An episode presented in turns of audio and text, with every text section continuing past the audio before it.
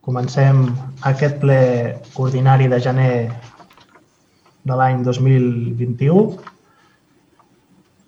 En principi estem 20 regidors i regidores. Faltarà la incorporació de la, regidora del PSC, Sonia Martín, que s'incorporarà al llarg de la sessió, entenem que el més aviat possible. Sense més, comencem a l'ordre del dia, tot saludant també a tota la gent que ens estigui seguint pels mitjans municipals i les diverses xarxes socials.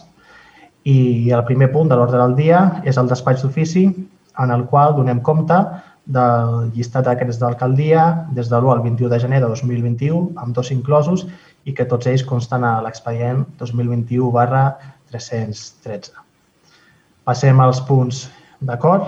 El primer d'ells és relatiu a l'aprovació provisional del Reglament de Participació Ciutadana de Ripollet i per tal que el presenti, cedeixo la paraula al regidor de Participació, senyor Sergio Linares. Endavant. D'acord. Eh, bona nit, companys regidors, alcalde.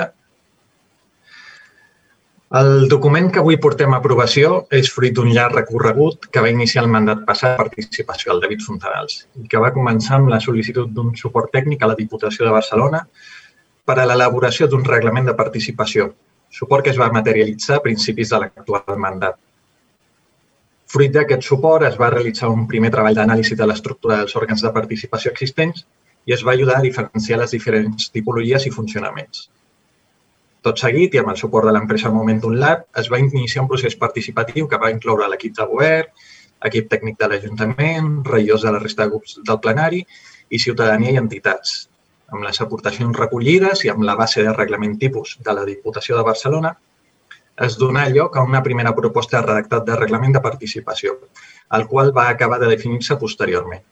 Finalment, es va portar a la Comissió Política, on els regidors de l'oposició van realitzar propostes, senyalar absències i proposar millores que han ajudat a donar llum al document final.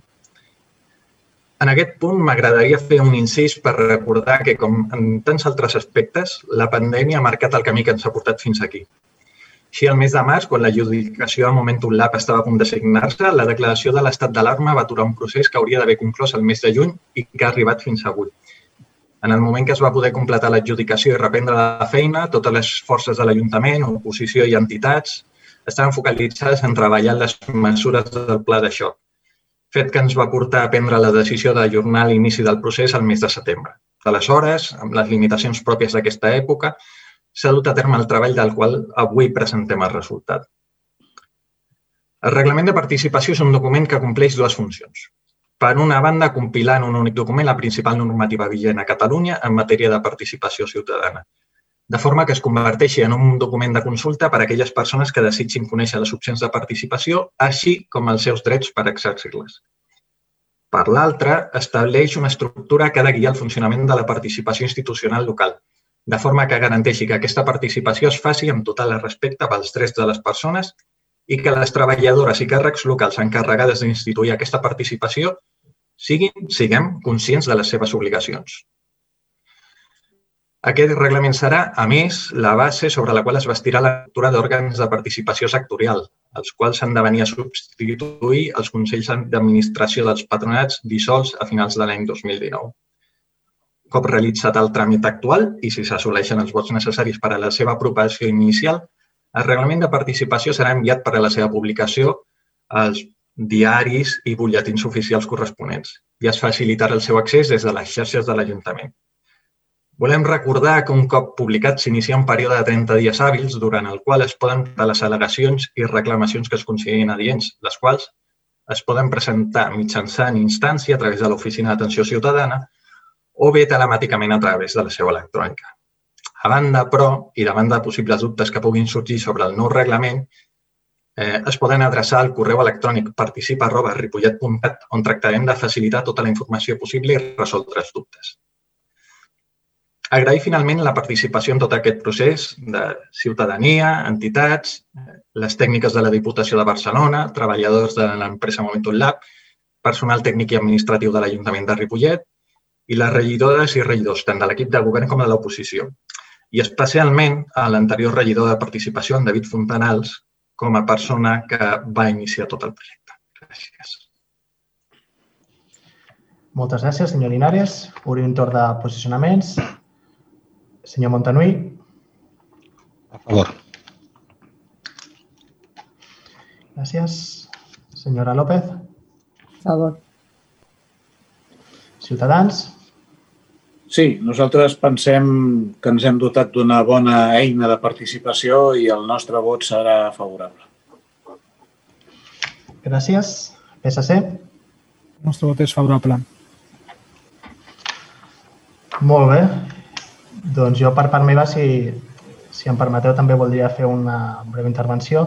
En primer lloc, per agrair la feina feta en aquests últims mesos el regidor de Participació, senyor Sergio Linares, que ha, que ha tancat aquesta feina iniciada pel, pel David Fontanals en forma d'aquest reglament de participació de, de Ripollet. També sumant els agraïments a tots els treballadors, treballadores, tècnics, tècniques de, de l'Ajuntament, en especial a la Mònica Herrera per tota la seva implicació i seguiment que, que ha tingut i també al suport de la Diputació de Barcelona Moment, i Momentum Lab.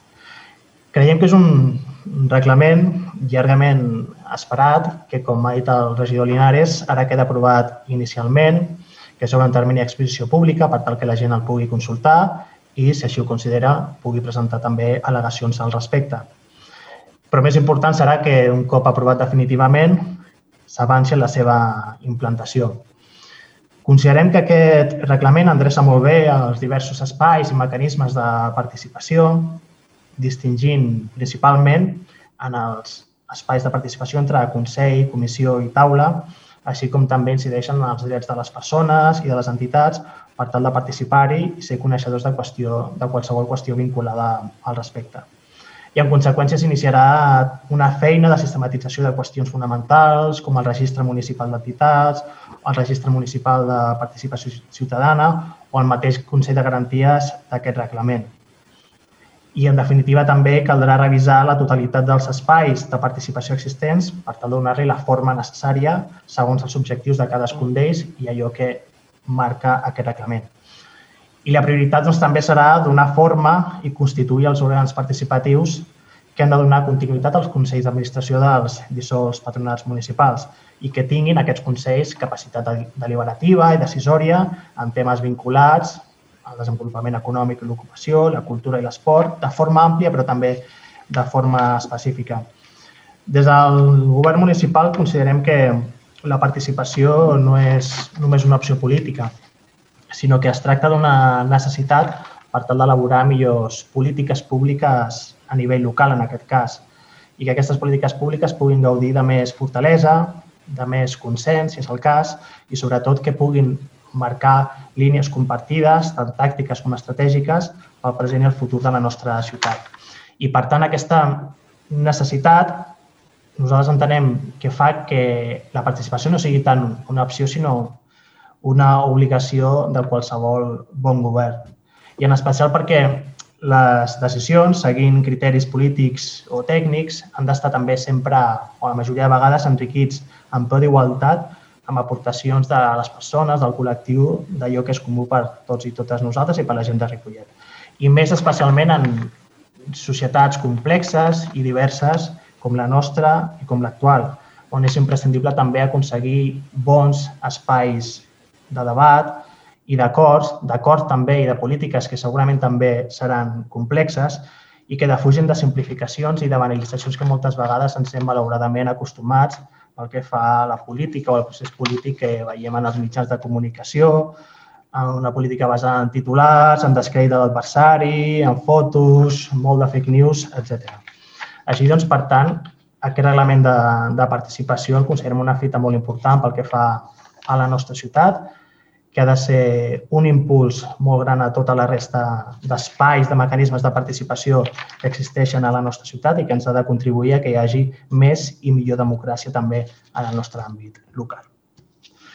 Molt bé, doncs si ningú vol afegir res més, queda aprovat aquest reglament de forma provisional i amb el consens de tots els grups.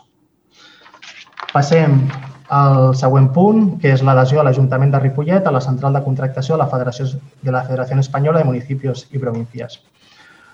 Aquesta és una adhesió que fem, sense cap cost afegit per, per, per l'Ajuntament, a una central de compres de la Federació Espanyola de Municipis i Províncies, que ens ha d'ajudar a fer més àgil i fàcil el subministrament i les contractacions de certs béns i de certs serveis. I en especial, del que, del que ens interessa més a curt termini a l'Ajuntament i que per això ara fem aquest pas és el subministrament d'EPIs i d'altres equipaments de protecció front a la Covid-19. En conseqüència, els punts que es proposen és l'aprovació inicial de l'adhesió a l'Ajuntament a la central de contractació de la Federació Espanyola Municipis i Províncies a fi de poder contractar les obres, serveis i subministraments que ofereixi de conformitat amb les condicions i preus que es fixin en els corresponents contractes o, o acords marc que se subscriguin, ajustar-se allò establert en el reglament de funcionament de la central de contractació de la FEM i sotmetre aquest acord a informació pública a banda de facultar a l'alcaldia per l'execució dels presents acords i notificar-los. Posicionaments. Eh, senyor Montanui. A favor. Gràcies. Senyora López. A favor. Gràcies. Ciutadans. A favor. A favor. PSC. Sí, a favor. Molt bé, doncs també queda aprovat per unanimitat aquesta adhesió. Passem al punt quart de l'ordre del dia relatiu a la verificació del text refós de la modificació puntual del Pla General Metropolità Pau Carrer Cot. Aquí el que estem parlant, com segurament a molts i moltes sonarà, és del solar de l'antiga Trilla, un punt que es va aprovar per aquest ple inicialment al desembre del 19, que va estar exposat al públic i que posteriorment va tornar al ple sent aprovat provisionalment al juny del 2020. I aleshores, tal com també el procediment indica, es va enviar aquest acord a la Comissió Territorial d'Urbanisme de l'àmbit metropolità de Barcelona, que és qui finalment aprova o no aquestes modificacions de planejament, de planejament i en la seva sessió de 22 de desembre el va aprovar definitivament, però supeditant la seva execució a l'aprovació per part d'aquest ple municipal del text refós que es presenta, en el qual l'única diferència respecte a l'anterior ocasió és un petit, un mínim ajust, atenent al que la Comissió mateixa d'Urbanisme ens indicava i que diu textualment que cal ajustar la qualificació de zona de transformació d'ús clau 17 barra 5 de la franja del nord de l'àmbit a la, a la qualificació de vialitat, clau 5, en tant que inclosa dins un polígon d'actuació ja no s'ajusta a les condicions pròpies de la zona. Per tant, procedim a portar a aprovació aquest text refós. Posicionament, senyora López. A favor. Gràcies. Ai, m'he m'he equivocat d'ordre. Senyor Montanui. A favor. Ciutadans. Eh, abstención. Bona tarda, disculpeu el retras. Hola, bona tarda, Sònia. Per part del PSC, Abstenció. Molt bé, doncs amb les abstencions de Ciutadans i PSC i el vot favorable a la resta, queda aprovat aquesta verificació del text refós. Ara ja passem al punt de les mocions, que n'hi ha tres en l'ordre del dia. La primera d'elles és la moció de suport a la dansa i l'activitat física, que està, que està subscrita i signada per part de tots els grups municipals i el regidor no adscrit. Tal com també hem quedat a la Junta de Portaveus, la presentarà el regidor Oriol Mor. Endavant. Bona tarda a tots i a totes. Eh, passo a llegir la, la moció. El col·lectiu d'associacions de dansa, escoles de dansa i gimnasos de Ripollet, format per SB Dance, Duo Fitness, Diverfin, Bollywood Anand, Line Dance Palagocit, Escola de Dansa Odet, Bunkai, Graceland, Danza Joven, Quadro Andaluz de Ripollet, Gimnas Gali, Epidemic Urban Show, Associació Colors del Vallès, Ballet Flamenco Carmela i Ripollet Countryland Dance han traslladat a la regidoria de Cultura la seva situació actual davant les noves restriccions, situació que recollim a continuació. Davant el tercer tancament decretat pel Govern de la Generalitat cap a aquest sector, el col·lectiu d'associacions de dansa, escoles de dansa i gimnasos de Ripollet di, diuen no poden, que no poden aguantar més. Eh, diuen que ens hem preparat i adaptat a diferents noves normalitats amb la reducció d'alumnes per grup, gel hidroalcohòlic, aparells de ventilació i una desinfecció i neteja a fons entre classes i grups. Han creat espais segurs per desenvolupar una activitat que no es pot substituir per un format virtual i requereix de presencialitat, una presencialitat responsable amb un seguiment exhaustiu i que ha demostrat que la incidència de positius no arriba a l'1% han tancat fins a tres vegades per fer front a la pandèmia de la Covid-19, però no, han, no, no hem d'oblidar no, com, com a Ajuntament que s'haurien de buscar i impulsar solucions perquè la dansa i el ball com a activitat física i mental pugui desenvolupar-se de forma segura.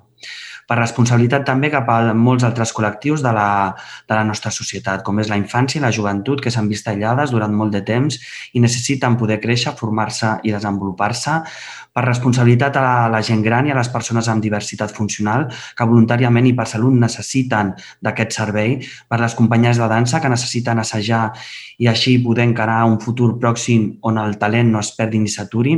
Es necessiten solucions realistes per professionals que afronten un futur incert i que molts d'ells, davant d'aquest últim tancament, es plantegen abandonar es considera una xarxa àmplia que ha, que ha fet de la dansa i el ball a Ripollet una activitat i un servei vital i essencial per a moltes persones.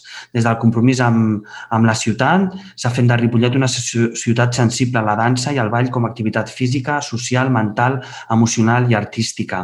Associacions que han generat companyies de dansa aportant riquesa cultural i artística al municipi, formant a les generacions i generant estima a la dansa escoles i acadèmies de dansa que per motivació de persones valentes van decidir situar-se a Ripollet i engegar una aventura educativa aportant riquesa cultural, artística i social al municipi. Gimnasos de Ripollet, negocis de proximitat compromesos amb la ciutat i la seva gent, que han fet del ball i la dansa una part del seu servei i han contribuït a la millora cultural i del benestar saludable del municipi sempre des de la vocació, estan presents en esdeveniments culturals i socials del municipi, participant i creant lligants amb l'entorn i la seva gent.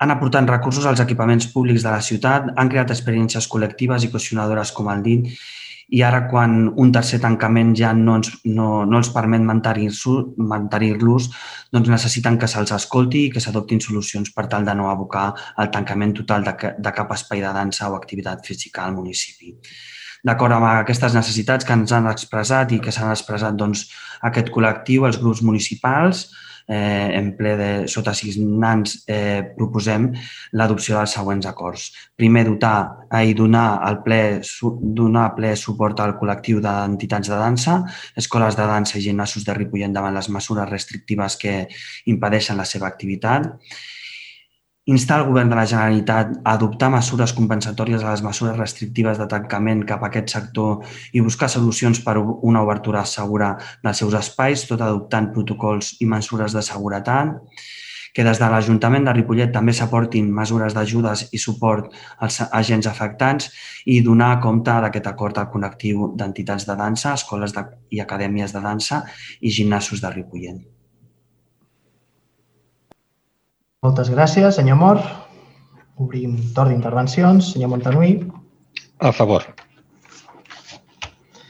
Gràcies, senyora López. Perdó. Nosaltres, des de SOM, donem tot el nostre suport a la dansa i a l'activitat física del nostre municipi en aquests moments tan durs. Per tant, el nostre vot serà favorable. Gràcies. Ciutadans. Sí, Ciutadans estem plenament d'acord en donar suport. No calen masses explicacions en un moment excepcional i s'han de buscar recursos excepcionals. Per tant, estem totalment a favor. Gràcies. PSC. Sí, bona tarda. Uh, nosaltres repulsem aquesta moció. Uh, estem, uh, bueno, estem a favor de, de totes les mesures i que es puguin dur a terme per aportar recursos i buscar solucions perquè tant el grup de dansa i les entitats que facin activitats esportives doncs, puguin gaudir de, dins de, de, dins de l'estat en el que vivim, que puguin gaudir de forma segura. Eh, nosaltres eh, recolzem eh, totes les eh, entitats que que, que promouen l'espai cultural i sobretot pensem en aquest moment tan, tan durs a totes les entitats que, que, que necessitin. Eh, Des de PSC estem a, a l'abast i posem també tots els recursos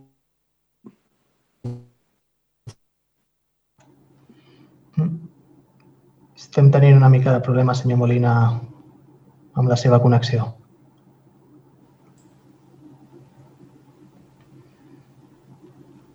Hi és, senyor Molina? Sí que hi és, per- però a mi em consta que encara està connectat.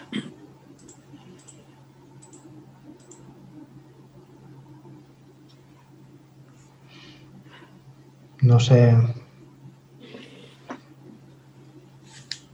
Mm, Potser si pot tornar a sortir i tornar a entrar seria...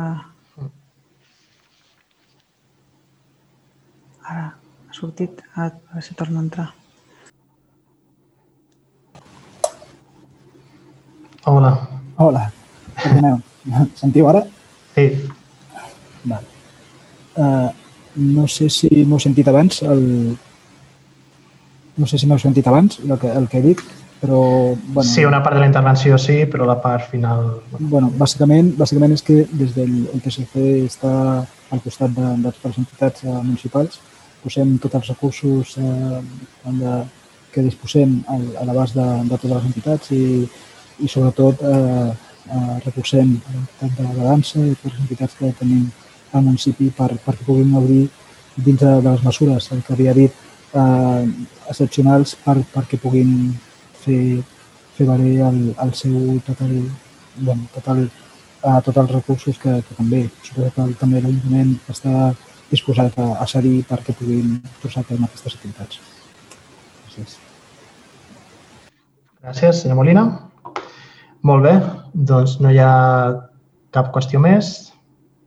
Doncs queda aprovada aquesta moció per unanimitat, tal com també estava signada per tots els grups municipals i, per tant, en nom de tot el consistori, enviar el màxim suport a la dansa, a l'activitat física, als gimnasos, a totes aquestes activitats afectades i també lluitarem per tal que puguin tenir que l'afectació, malgrat la situació, sigui la menor possible i poder lluitar per totes les ajudes necessàries en aquesta situació tan, tan fràgil i complicada.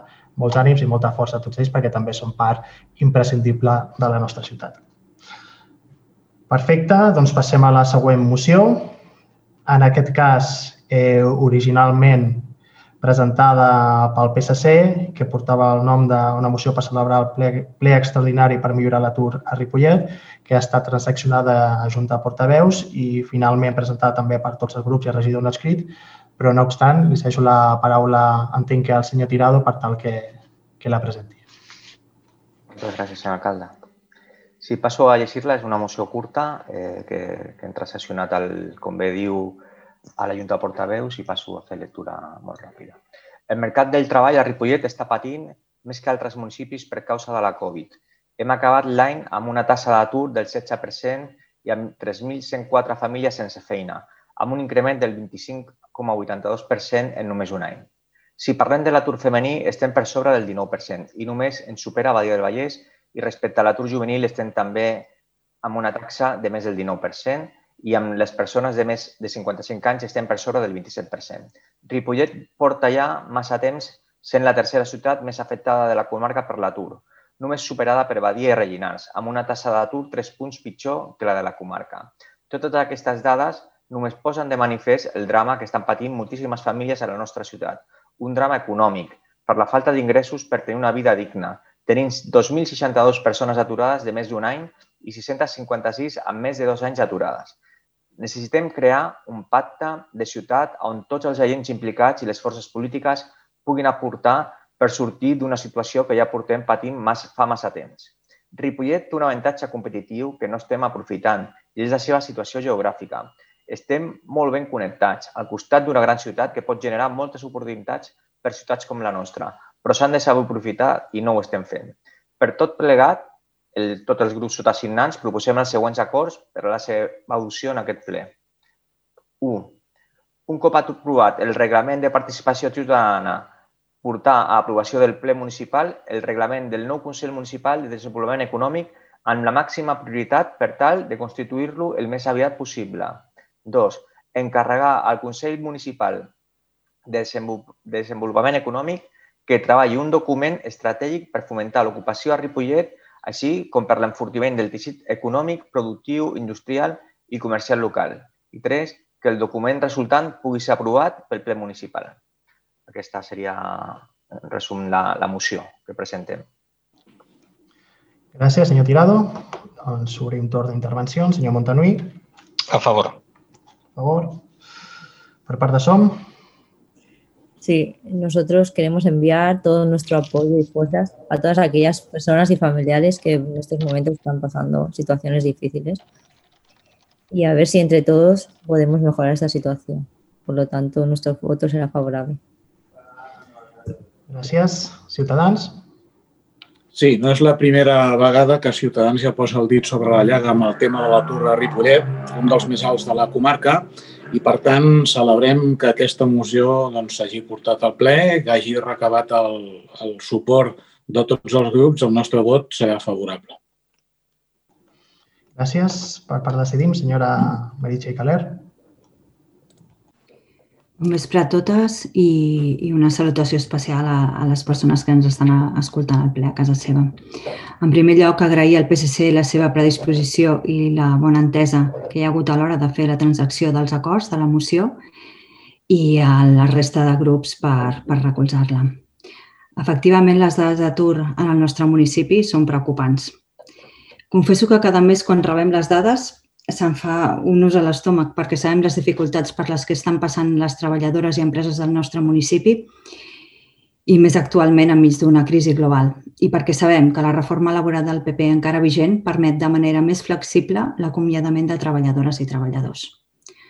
Quan decidim entre el govern el 2015 es troba amb un patronat d'ocupació enfocat a proveir personal a les obres públiques com a extensió de la brigada municipal, per tant, la primera tasca va ser reestructurar organitzativament el patronat i definir una estratègia d'àmbit validada pel SOC amb una missió, objectius estratègics i un pla d'acció. És llavors quan es crea l'unitat d'empresa i emprenedoria i es comença a fer cens d'empreses, anàlisi estratègic dels PAEs, s'elabora el projecte de modernització de polígons i durant aquest procés s'acompanya a un grup motor en la creació de l'Associació d'Empreses de Ripollet. També hem apostat per l'economia social i solidària i estem elaborant projectes que afavoreixin el desplegament d'aquest altre model econòmic. A més, es treballa en projectes transversals amb d'altres departaments de l'Ajuntament, eh, com Drets i Ciutat i Sostenibilitat, i ens hem obert cap a l'exterior, participant en òrgans supramunicipals, com el SOC, la DIVA, l'AMB, el Consell Comarcal, la xarxa municipal d'Economia Social i Solidària, a banda de treballar en projectes amb d'altres ajuntaments, en Economia Social i Solidària amb Cerdanyola i Montcada, els PAES amb Montcada, el Metal Vallès amb Sabadell, Barberà i Castellà, Treball de i Tecnologia amb Terrassa i Castellbisbal i Economia Circular i, circular i Simbiosi Industrial amb Barberà, Sabadell i Sant Quirze. Tota l'àrea d'ocupació ha anat guanyant pes i s'han anat enfortint els equips de treball d'orientació i formació per tal de poder acompanyar i donar eines competencials el més ajustades possibles a les necessitats de les persones usuàries del servei i millorar la seva ocupabilitat. I amb el focus posat en la formació, ampliant i homologant aules, creant nous PFIs, enfortint vincles amb Palavausit.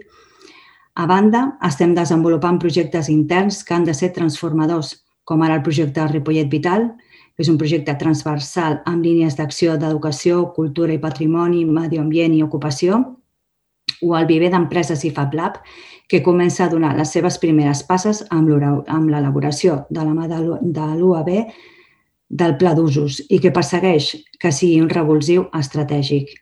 I aquest mes començarem a treballar sobre l'estratègia a seguir per, per incentivar la reindustrialització en els terrenys de la Cintermetal i, sobretot, per repensar quin valor diferencial podem aportar com a municipi i què volem ser dins del territori. A més, treballarem dia a dia per enfortir llaços col·laboratius amb el teixit productiu del nostre municipi i perquè aquestes entitats i associacions guanyin pes i puguin desenvolupar projectes de major envergadura. Per tant, és molta feina que s'està fent. Primer, posant les persones al centre i mirant d'acompanyar-les en el camí cap a l'ocupabilitat. amb itineraris de formació i orientació i, en segon lloc, adobant un camp com el d'empresa que estava totalment erm, fent molt de xup-xup, picant moltes portes i començant a situar Ripollet en el mapa. Així doncs, ara és un bon moment per seure totes plegades, polítiques, teixit productiu i els actors o ens que creiem oportunes per crear aquest Consell Municipal i teixir plegades una estratègia de municipi que vagi molt més enllà de colors o banderes polítiques, que impulsi l'economia del nostre municipi i la situï dins del mapa de la comarca, amb una mirada ambiciosa i apuntant cap a altres models productius. Per tant, el nostre vot és a favor. Moltes gràcies. No sé si hi ha alguna intervenció més, senyor Tirado. Endavant. Sí, eh, sí, senyor alcalde. Eh, bé, volia primer de tot donar les gràcies a tots els grups per signar la moció, a la regidora Txell Calé, també, que, que amb la que hem transaccionat al final per poder treballar dins de la nova comissió que espero que es pugui crear de forma, de forma immediata. Eh, quan, quan van plantejar des del PSC aquesta moció, la van plantejar eh, simplement perquè estem, estem cansats de, després de, de molts anys, veure que Ripollet no surt del pou de l'atur. Encara que, se, com diu la, la regidora, estan fent programes i coses, la realitat és que els resultats són els que són i històricament som la tercera ciutat amb més atur, amb, tal com he dit, amb un atur dels majors de 55 anys és total enorme del 27%, és un drama perquè la gent gran no troba feina. També un atur juvenil i femení eh, desbocat al nostre municipi, sent la segona ciutat de la comarca més atur juvenil i femení i eh, van decidir que aquesta moció l'havien de presentar, que aquí eh, calia que tothom posés els màxims esforços perquè si no, no ens en sortirem. Ja veiem que el govern sol no se'n surt i, per tant, hem decidit eh, doncs, que entre tots plegats eh, posar les nostres ments a treballar per aquesta lacra que té Ripollet, que és una lacra històrica i, per tant, torno a dir que agraeixo que tothom estigui d'acord. Eh, ens espera molta feina, això ho hem parlat amb, amb la regidora, amb la, amb la Meritxell. Eh, tots hem de treballar molt i amb, amb, amb ment oberta eh, per poder aconseguir que Ripollet surti de la situació històrica que pateix, eh, perquè, perquè no ens ho mereixem, perquè estem ben posicionats geogràficament, perquè tenim les eines, tenim la societat, ciutat preparada, bon, bones escoles eh, bona formació de la gent, dels homes i dones i joves de Ripollet i les joves, i per tant eh, crec que és possible, crec que es pot fer feina. És veritat que els ajuntaments estan limitats eh, amb competències, però si ho fem tots plegats i en, conjuntament amb la societat civil, amb les entitats, amb les empreses, amb les associacions d'hostaleria i de comerciants, jo crec que ens en podem sortir i aquesta era la voluntat d'aquesta moció, que entre tots puguem tirar endavant aquest, aquest, aquesta feina per tal de que Ripollet surti enfortida i que tothom eh, ens puguem posar a pensar eh, estratègicament què volem, què volem pel futur dels propers anys, no, no, no ara a curt termini pel tema de la pandèmia, sinó que això va molt més enllà perquè, perquè aquesta problemàtica porta, porta molts anys i veiem que, que ens hem de posar tots, si no, no ens en sortirem perquè és un tema històric del nostre municipi. Moltes gràcies. Molt bé, queda dit. Així doncs, amb el vot favorable a tots els grups, queda aprovada també per unanimitat aquesta segona moció.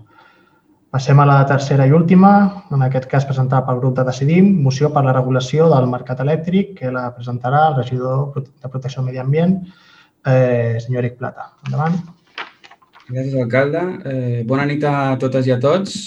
Passo a fer lectura de la moció per la regulació del mercat energètic. Els dies 7 i 8 de gener, en plena onada de fred, a la península Ibèrica, el preu de l'electricitat va batre rècords a l'estat espanyol. Al mercat majorista, els preus es van duplicar el dijous 7 respecte als dies anteriors i es va arribar a superar els 100 euros megawatt l'hora. I el 8 s'arriba als 94,99 euros megawatt de mitjana. El preu més alt de la història del mercat espanyol, amb un màxim de 114 euros amb 89 a les 20 hores, el preu més car en una franja horària de la darrera dècada. En els termes globals, es pot afirmar que la pujada interanual en el que portem de, de mes de gener és del 31%. Amb l'arribada del fred, la llum ja va començar a incrementar-se un 7,2% de mitjana. Després de 19 mesos consecutius de descensos, principalment produïts per la davallada del consum degut a, a la pandèmia, amb l'encariment d'aquest mes de gener, el rebut d'un usuari mitjà es pot situar, segons Facua Consumidores en Acció, en 89 euros, que suposaria un 19% més que el mateix període de l'any passat. Aquest encariment de l'energia elèctrica ens fa difícilment comprensible davant la població quan les companyies elèctriques com Endesa anuncien el novembre passat un increment dels seus beneficis en un 38% i fins, fins als 1.700 milions d'euros, quan encara no s'havia iniciat el repunt de preus al mercat. Una xifra que contrasta alhora amb una afectació generalitzada de crisi social i econòmica provocada per la Covid-19, que ha suposat, segons dades recollides per Creu Roja, un increment de la pobresa energètica fins a afectar un 9% de la població de l'estat espanyol. La mateixa organització estima que el 50% de les famílies que atenen han d'escollir entre les despeses bàsiques, és a dir, entre portar alimentació adequada o escalfar les seves llars, una situació de l'encariment del gas per a ús domèstic des de l'1 de gener amb més d'un 6% que només fa que agreujar aquesta situació. La tempesta Filomena, en un inici d'hivern, especialment cru per les temperatures i la situació social i econòmica, torna a posar sobre la taula les mancances i dubtes respecte a un sistema energètic fortament endarrerit en la transició cap a les energies renovables amb una regulació de preu de l'energia on l'usuari final és el que surt directament perjudicat, ja sigui una ciutadana o, te o, teixit empresarial fortament tensionat per la crisi. I on el servei aportat amb talls de llum en nombrosos barris, barris eh, i ciutats del país durant el temporal, evidencien les mancances d'una xarxa de distribució que no respon al, al, seu, al preu del servei. Circumstàncies in, intolerables en l'actual context d'incertesa social i política on la pandèmia obliga a mesures contundents i canvi de model en la producció i distribució de l'energia on realment s'aposti per les energies renovables i per la incorporació al mercat de nous models com el promogut per l'Associació de Municipis i Entitats per a l'Energia Pública. Per tots aquests motius exposats anteriorment, eh, que proposem que s'adoptin els següents acords. Exigir al govern de l'Estat eh, mesures urgents per la regulació dels preus de mercat elèctric i frenar l'especulació en moments de màxima vulnerabilitat social i econòmica. Exigir al govern de l'Estat oferir informació de forma transparent en quant a l'aportació pública que es fa a les empreses subministradores. Instar al govern de l'Estat amb caràcter immediat la implementació d'una tarifa reguladora que protegeixi especialment les famílies més vulnerables i els sectors econòmics i, comerç, i comercials més afectats per la crisi.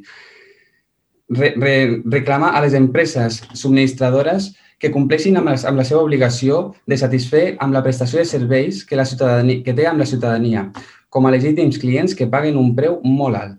Exigir al govern de l'Estat i al govern de la Generalitat a acudir a auditar perdó, a les famílies subministradores d'energia responsables de les xarxes on, s'hagin produït talls energètics durant la tempesta Filomena i sancionar, en cas que sigui pertinent, en aquells casos on es demostri que els talls s'han produït per mal estat de la xarxa de distribució.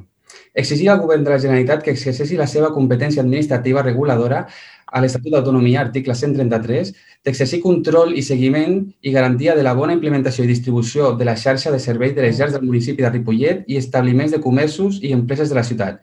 I, per últim, incorporar les aportacions realitzades pels futurs integrants de l'Associació de Municipis i Entitats per l'Energia Pública perquè la transportació de les directives europees sobre la transició ecològica per anar a un escenari ambiciós de gestió ciutadana i municipalista de l'energia. Molt bé, moltes gràcies, Eric. Intervencions, senyor Montanui. Sí, gràcies, alcalde. Gràcies, alcalde, i gràcies a, al regidor Eric per haver presentat a, a aquesta moció. És evident, senyor alcalde, de que la situació a la nostra ciutat en els darrers eh, setmanes, mesos, eh, dona peu a dir de que el servei subministrat per les empreses alhora subministradores d'energia eh, deixa, molt, deixa molt que desitjar, com sabem tots plegats. I les afectacions que hem tingut a diferents barris eh, i en conjunt a la nostra ciutat eh, ha marcat un punt i a part respecte a la confiança que es podia tenir eh, envers amb ells. Eh, tot i així, és evident que aquesta moció, aquesta moció que es presenta avui al ple, al ple de l'Ajuntament, dona peu a, com a mínim, verbalitzar i escenificar un escenari en el qual el perjudici directe que hem tingut tots plegats com a ciutadans de la ciutat eh, eh, s'evidencia i es continua evidenciant en el decurs de les, de les darreres dies i darreres setmanes. Eh, tot i així, i, i fent un punt al final ja de la meva intervenció, dono suport a aquesta moció amb el meu vot favorable. Moltes gràcies. Gràcies.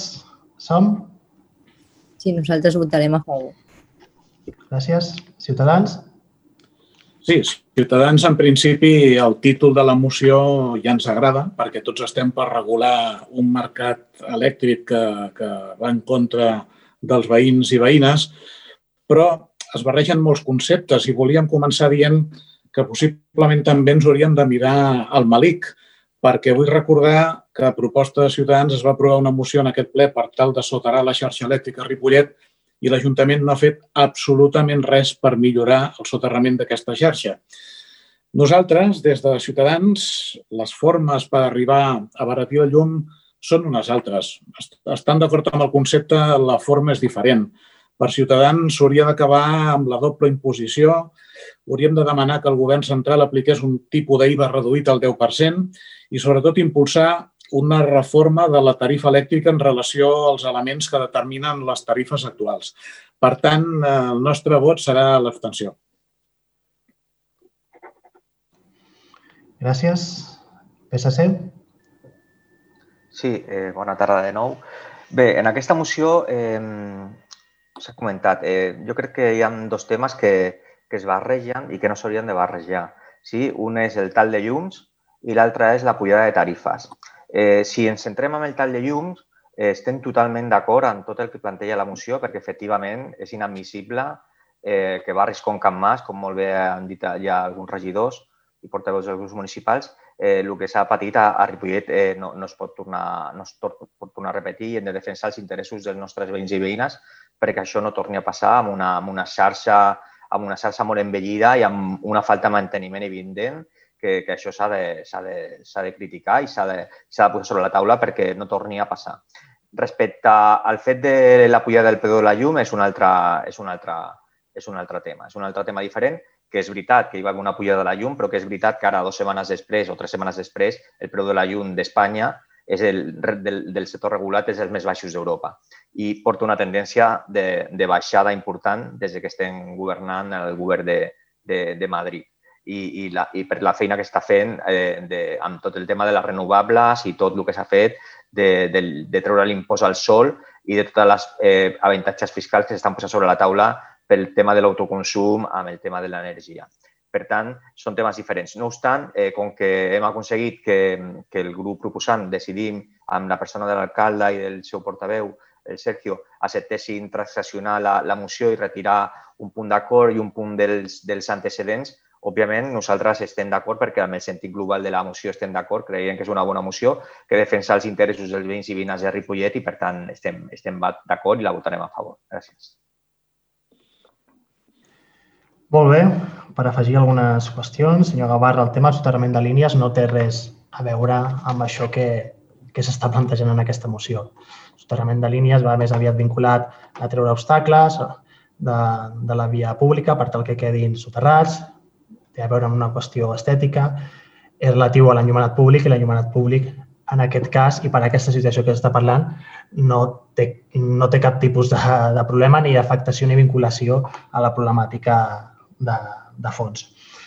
Uh, jo crec que val la pena una mica que explicar no, la situació que especialment es va viure en una zona concreta de Ripollet, la zona de Can Mas, tot i que també en alguns altres espais del municipi eh, també es van produir des de llum especialment des de principis de desembre fins a principis de, de gener, uns talls de llum reiterats, indiscriminat, que van afectar al voltant d'uns 200 habitatges, unes 200 famílies. Eh, per part de l'Ajuntament es van fer molts, quan es va veure que aquesta, aquests talls de llum eh, repetien més de dos dies i també atenent que per part d'Endesa no es, donava, no es donava cap tipus de resposta ni d'informació clara al, al veïnat. Des de l'Ajuntament vam actuar intentant, intentant contactar amb Endesa, amb els diferents telèfons i canals que teníem a la nostra disposició, sense que en cap cas Endesa, ningú d'Endesa es posés en contacte amb nosaltres per tal de donar explicacions o de proposar solucions al respecte. Fruit d'aquesta manca d'informació, eh, precisament l'Ajuntament van fer actuacions.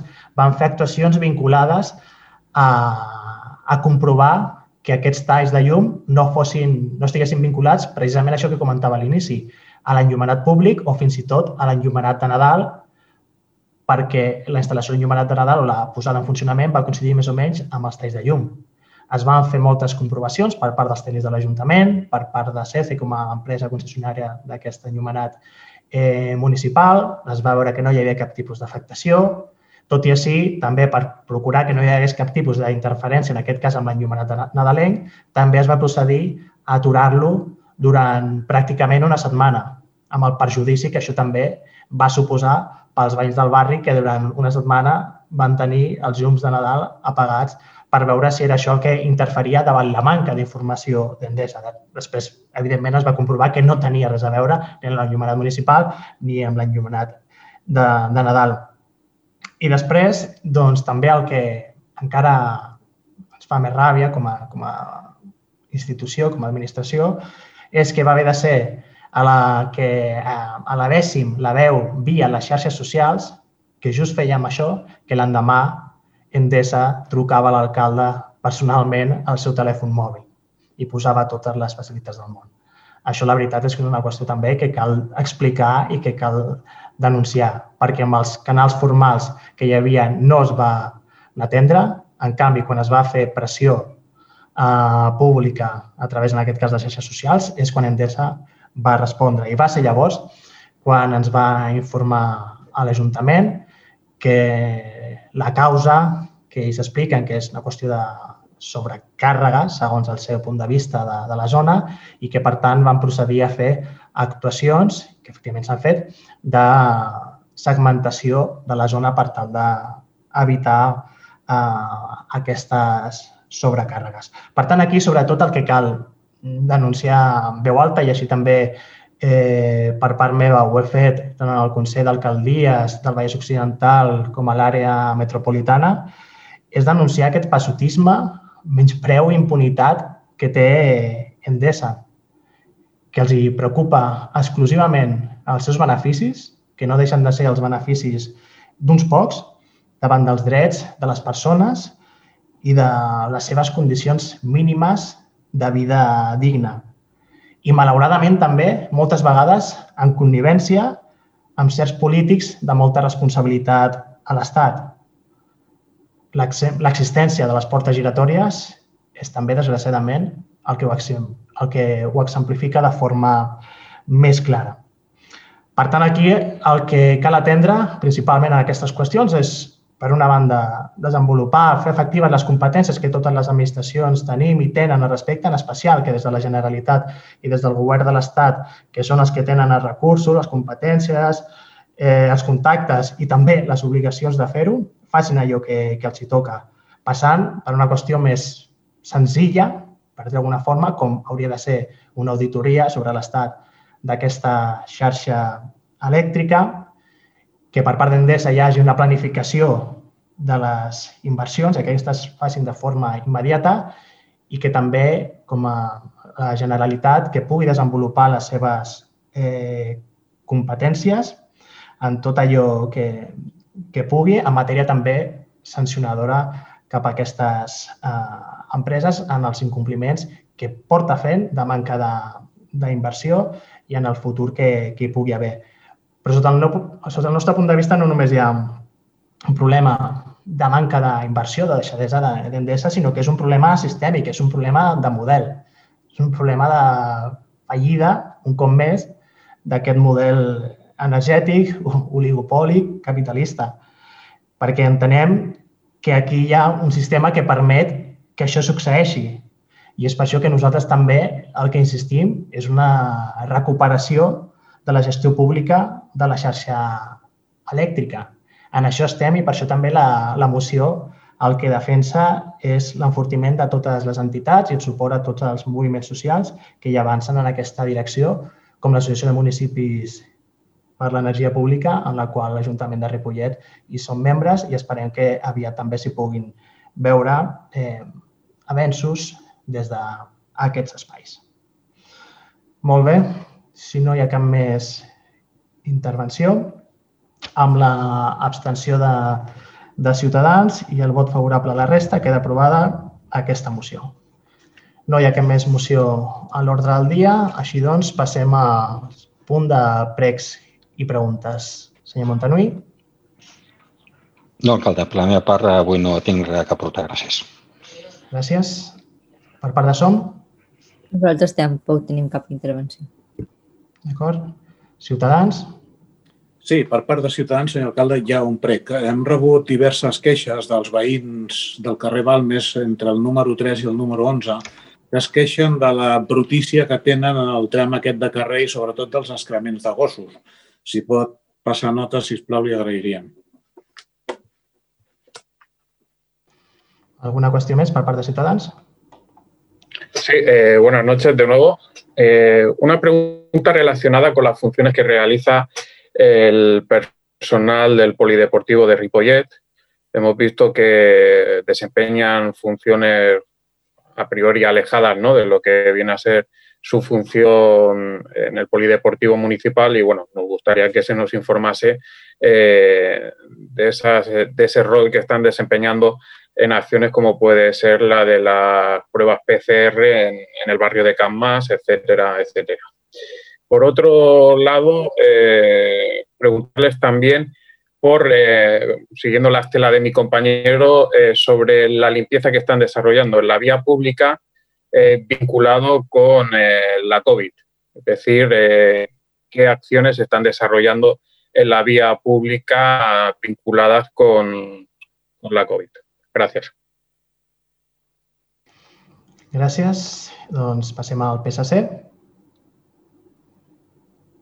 A l'ordre que considereu. Yo tengo una pregunta que ya la había hecho en otro pleno, pero la vuelvo a repetir porque no se me contestó. Y es por qué los, los usuarios del PAME no pueden utilizar las mesas del tenis taula si no son socios del club de tenis taula se lo podrían replantear ya que por las mañanas no suelen hacer entrenamientos. Gracias. Següent. Sí, hola, bona tarda. Uh, la nostra pregunta bueno, venia en relació amb, amb el que ha, ha parlat, el que ha dit el, el senyor alcalde, uh, és en relació a les accions que, que, havia, que s'havia fet per part del, del govern amb els veïns de, de Can Mas per, pels tals que, que s'havien que s'havien produït durant aquests, aquests, bueno, aquests darrers mesos. Més o menys ja, ja ha, ha quedat una mica aclarit, però bueno, ens agradaria que, que sobretot que concretéssim les, les mesures que, que ha pres el govern davant dels veïns. Però a banda, o sigui, a banda d'això, de, de, de la intervenció que ha fet el senyor alcalde, m'ha sortit una altra pregunta, que seria eh, quin tipus d'inversió està plantejant o es planteja l'Ajuntament de Ripollet per pal·liar aquesta mancança de, o aquesta municipalització, com vulgui dir-li, de, de enfortir o enriquir el, el, la xarxa elèctrica, a, o sigui, empoderant a través del municipi, mitjançant el, els municipis o que siguin polítiques municipals. Eh, llavors, quin, quina inversió vol fer l'Ajuntament perquè, de fet, en principi sí que es podien fer inversions, o l'Ajuntament no sí té intenció de fer inversions, però sobretot a nivell d'energia solar es podien fer als, als edificis públics, eh, com a mínim. No sé si també està treballant en la idea de demanar subvencions a la Generalitat perquè a tots els, a tots els edificis es puguin posar plaques o d'alguna forma aprofitar l'energia solar no sé si està plantejant o s'ha plantejat a l'Ajuntament fer algun tipus d'acció d'aquest tipus. Gràcies. Gràcies. Següent. Hola, bona tarda. Um, la meva pregunta bueno, és més aviat que rebent queixes de veïns i veïnes en referència a la part del camí de la Serra, que es troben amb molta congregació de joves que a vegades es posen asseguts als bancs i als cotxes i, i això invadeix l'espai de, de pas dels peatons. No sabem quines accions està fent la policia municipal, si passa per allà i, i els explica, i més amb la situació que estem també ara, amb l'augment de, de contagis, Mm, també ens expliquen que al Parc Gassó, a les taules, que sí que passen i, i arriba un moment que suposo que els diuen que, han, que han de marxar, però eh, ens diuen alguns veïns i veïnes que d'allà marxen a la Rambla de, de Sant Andreu i, i es posen allà asseguts als bancs. I llavors, bueno, saber què estan fent la policia municipal davant d'això i més que res perquè la gent que estigui allà al camí de la Serra passejant que no, no es trobi amb aquest eh, inconvenient de poder passar per la, per la cera i que pugui passejar bé i que no, que no li molesti. Res més, gràcies. Següent. Sí, crec que, que em toca. Jo tinc eh, una pregunta i un prec. La pregunta és, eh, al ple passat van aprovar de forma provisional l'ordenança de mobilitat, sobretot pel tema dels patinets elèctrics i això, i voldria saber si s'ha si posat alguna sanció perquè realment és, és, és, és brutal. Eh, jo no sé si és on jo visc o la zona d'aquí dalt, de prop de Pinetons i aquesta zona, però eh, van per la vorera, van de dos en dos, sense casco, en direcció contrària, però és tots els dies a totes les hores. O sigui, eh, hi ha un descontrol absolut, o sigui, absolut i a més perillós perquè es, es tiren sobre dels cotxes, eh, bueno, eh, és, és una calamitat i algun dia hi haurà un accident important perquè no, perquè no estan complint absolutament res. No sé si s'ha fet suficient publicitat, si s'està la policia posant amb això per, per sancionar, com si que sé que s'està fent a altres municipis que estan fent campanyes, accions importants, com consta l'Ajuntament de Barcelona, i jo crec que aquí a Ripollet sí que aquí ens hem de posar amb, amb la regidoria i, amb, i sobretot també amb la, amb la Guàrdia Urbana perquè la situació de veritat és, és, és eh, perillosa i a més és que sembla que, que aquest darrer mes inclús s'ha incrementat de, respecte a el que havia i això que hem aprovat la, l'ordenança. I després, eh, això és avui mateix, però m'ho han demanat eh, un, els pares de Pinetons, eh, eh, perquè avui ha tornat a passar, porta passant ja des de la setmana passada, abans d'ahir també ens va passar, que jo hi era present, eh, hi ha un port senglars que estan entrant a Ripollet a la zona de eh, la confluència entre Avinguda Catalunya, eh, carrer Pizarro i carrer Barberà. Allà hi ha un parc petit. Eh, em consta que la setmana passada ja van avisar la Guàrdia Urbana, la Guàrdia Urbana es va, es va personar, van amb els cotxes darrere d'aquests ports senglars per fer-los que marxessin d'allà, però s'han acostumat a baixar, allà hi deu algú, els hi deuen de posar menjar, jo crec que baixen a la colònia de Gats, que hi ha al carrer Cerdanyola, i baixen cada dia a la mateixa hora i justament és l'hora que estan els nens petits eh, que acaben de sortir de Pinetons i estan jugant allà amb nens molt petits, alguns de llars d'infant, i avui m'han dit que el, el port sanglat estava, estava entre els nens per allà i això és realment perillós. Per tant, eh, no sé com es contempla eh, per poder fer alguna acció perquè el puguin a dormir, el puguin portar a algun altre lloc, perquè em sembla ser que no és, no és un, som, hi ha diversos i de tant van baixant uns i altres i, i, i no són petits, són molt grans, eh, ho, ho puc dir perquè l'he vist, i, i és realment perillós i per tant faig un prec aquí perquè, perquè es busqui la forma d'evitar de, que, que aquests animals arribin, arribin tan a prop a un lloc escolar on a la mateixa hora hi ha nens de, des d'un any a 7-8 anys jugant, jugant allà. És, és super perillós, de veritat, i, i m'havien demanat que avui ho comentés aquí al ple i així ho faig perquè, perquè estiguin informats i pugueu informar a la Guàrdia Urbana de la situació perillosa que està donant en aquesta, en aquesta zona del municipi a les tardes tots els dies. Gràcies. Gràcies. Regidors, regidores que vulgueu contestar alguna qüestió? D'acord. Senyora Guijarro. Bona tarda a totes i tots. Uh, contestaré al, al senyor Tàpia, si entès ben bé la pregunta. Uh, com ja sabem, hi ha unes restriccions que, es, que ens marca la Generalitat que fa que molts cops doncs, uh, tinguem que tancar les instal·lacions cobertes a l'aire lliure, doncs, doncs depèn com vagi l'evolució de, de les dades de contagi que tenim de la Covid. Uh, en aquests casos, quan el servei d'esports no està al complet, sobretot pel que fa als monitors d'activitats dirigides i socorrisme, no tenen activitat perquè no es permeten cursets, perquè ens, ens quan ens obliguen a tancar aquesta instal·lació i sabem que hi ha altres serveis que han canviat la seva forma de fer per les condicions que tenim actuals d'aforament, doncs desviem aquest personal a, a fer aquestes tasques doncs, com podria ser a drets, fent atencions telefòniques, no de drets, sinó per donar informació, a, a gestionar les cues de, de, de la UAC, de l'atenció al ciutadà, o també a gestionar les cues doncs, dels PCR que es van fer al Camp Mas, gestionar les cues. Estem parlant d'un personal que la seva tasca sempre ha estat de cara al públic, eh, es dediquen a treballar amb infàncies, amb, amb gent gran i, per tant, no tenim cap dubte que, que la tasca que fan quan així ho requereixen altres serveis i no, i no es pot obrir al 100% el que tenim esports, doncs fa que ens podem permetre no, de, derivar aquest personal i que facin aquestes tasques que són també essencials en els moments d'avui dia que estem, que estem vivint. I, i, de fet, eh, si, si us puc adreçar totes aquestes dades que tenim recollides de quan, quantes persones d'esports s'han doncs, derivat a altres serveis a fer una tasca doncs, superimportant i que, i que agraeixen tant, tant el personal d'esports quan ha fet aquesta feina com la resta d'apartaments que els han rebut i han donat moltes gràcies per la tasca que han fet.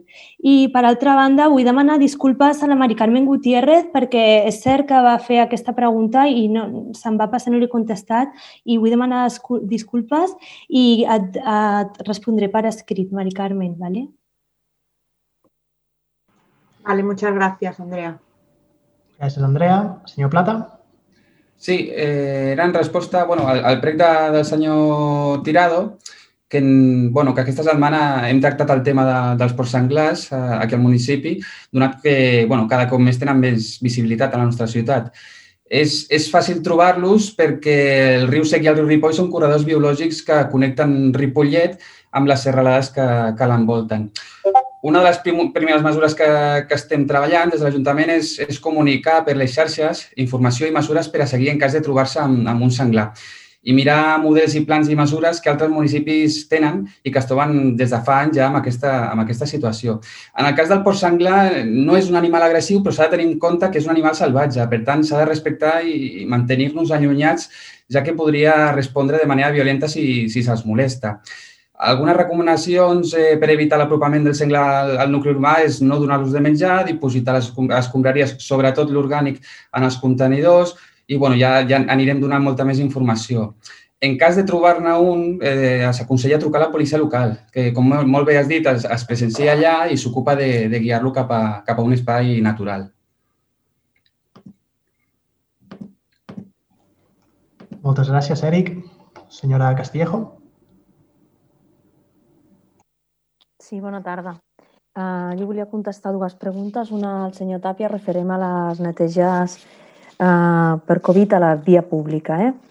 Uh, doncs ara mateix no s'està fent cap d'especial a la via pública, sí que als, principi, als, als primers mesos vam fer aquelles desinfeccions que tothom va poder veure, però les, les responsables de salut, quan han vingut diferents vegades al municipi pels cribatges massius, tant a l'agost com aquest últim que han fet, ja ens han explicat que no és necessari que fem aquest tipus de desinfeccions, perquè, bueno, com sabeu, el coneixement que anem tenint sobre aquesta pandèmia doncs, va evolucionant, cada vegada en sabem més, les mesures han anat també canviant, no ens donen el mateix missatge ara que al principi de tot, perquè cada vegada en sabem més i bueno, el que ens diuen és això, que no és necessari. El que sí que apliquem són mesures de netejas excepcionals, sí, amb edificis municipals, al mercat, a les escoles, a l'oficina d'atenció ciutadana, a aquests espais més d'això sí que hi ha mm, mesures de neteja diferents ara amb la Covid i més intensificat i eh, també el material de neteja que s'utilitza, però no és el cas de la via pública on ja et dic, eh, les, les, eh,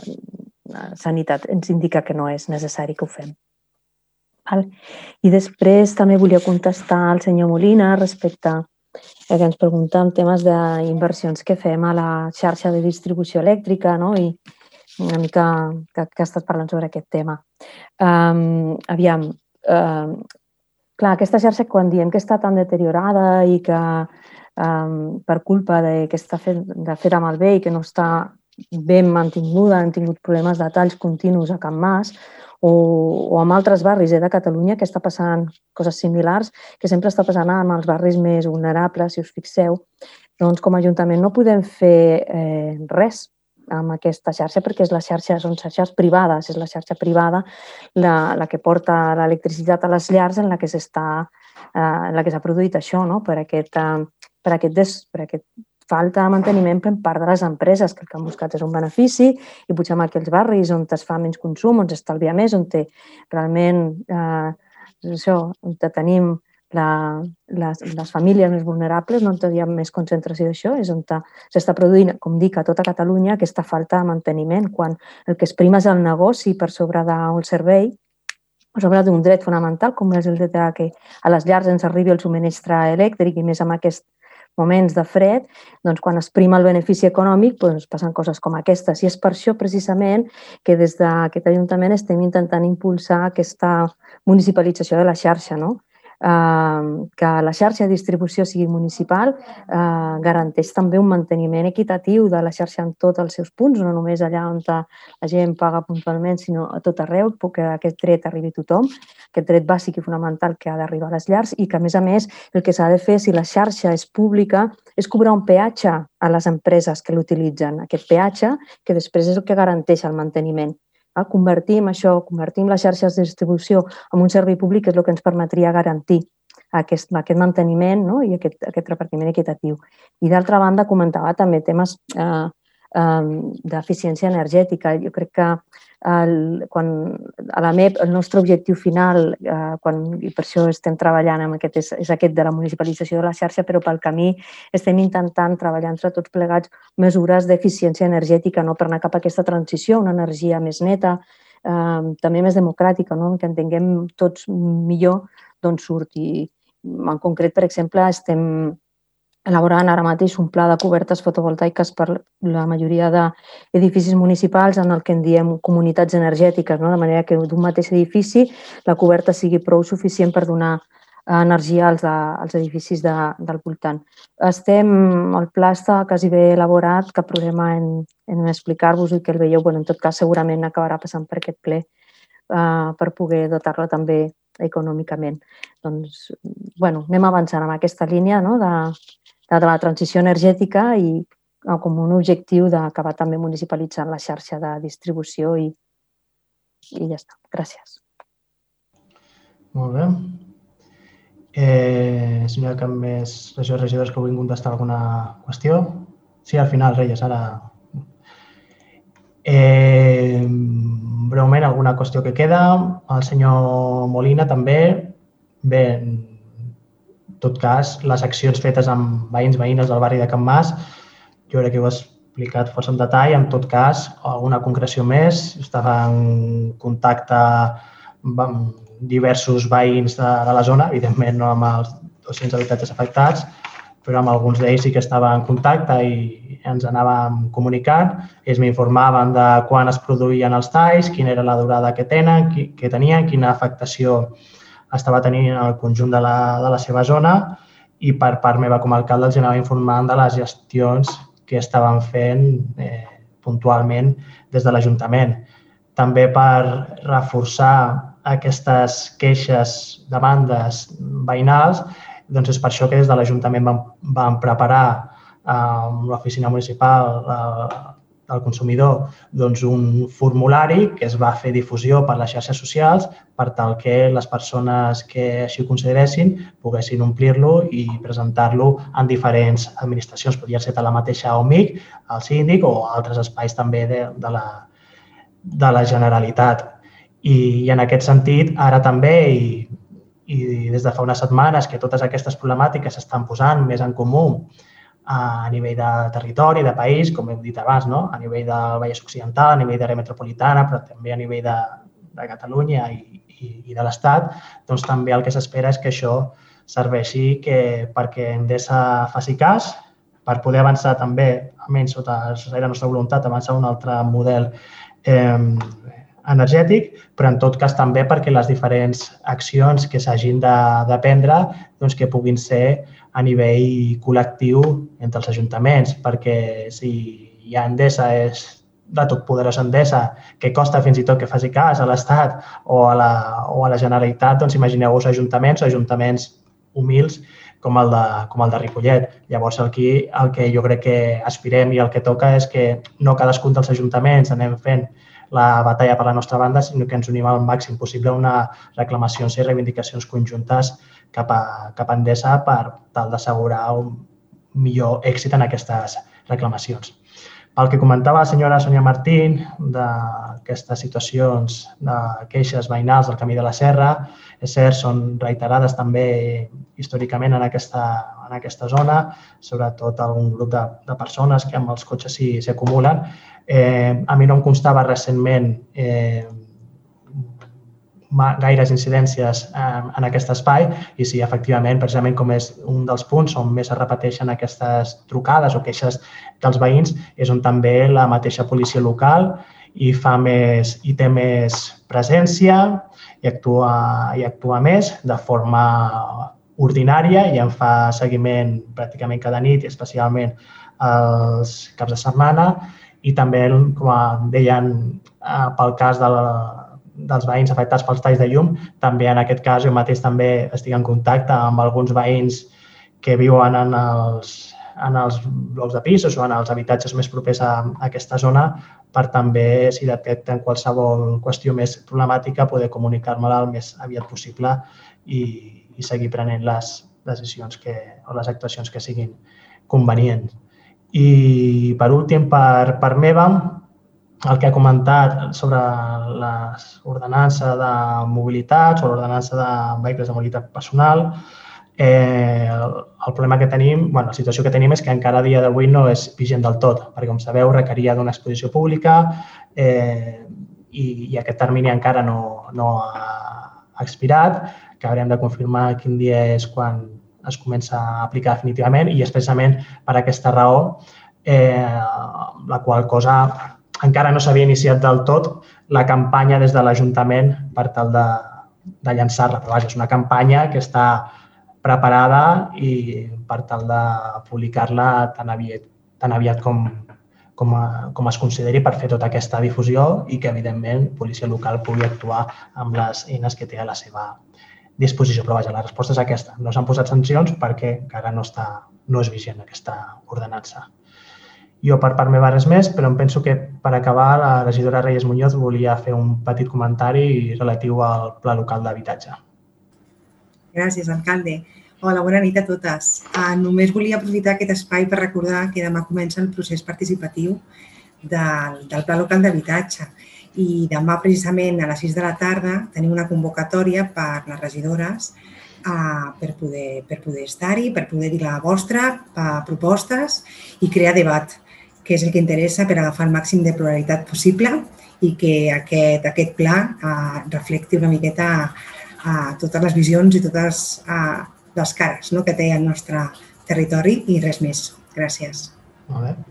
Fet aquesta crida, jo per part meva, per últim, recordar que en principi, si no hi ha cap més canvi, el 14 de febrer tenim eleccions al, al, al Parlament i únicament per part meva el que volia fer és eh, fer una esmena que des de l'Ajuntament s'han posat i s'estan posant totes les mesures higièniques, sanitàries, de seguretat necessàries per tal de vetllar que la jornada electoral es desenvolupi de la millor forma possible i amb la màxima eh, seguretat eh, hi haurà uns canvis pel que fa a col·legis electorals, les persones afectades rebran una carta personalment informant d'aquesta situació i tots aquests col·legis electorals estaran eh, adequadament senyalitzats, els jocs d'entrada, els jocs de sortida, amb la disposició de gel hidroalcohòlic, amb tot el material EPI i de seguretat necessari per, per tothom, per tal d'assegurar que aquesta jornada electoral doncs, també transcorri amb la màxima normalitat i seguretat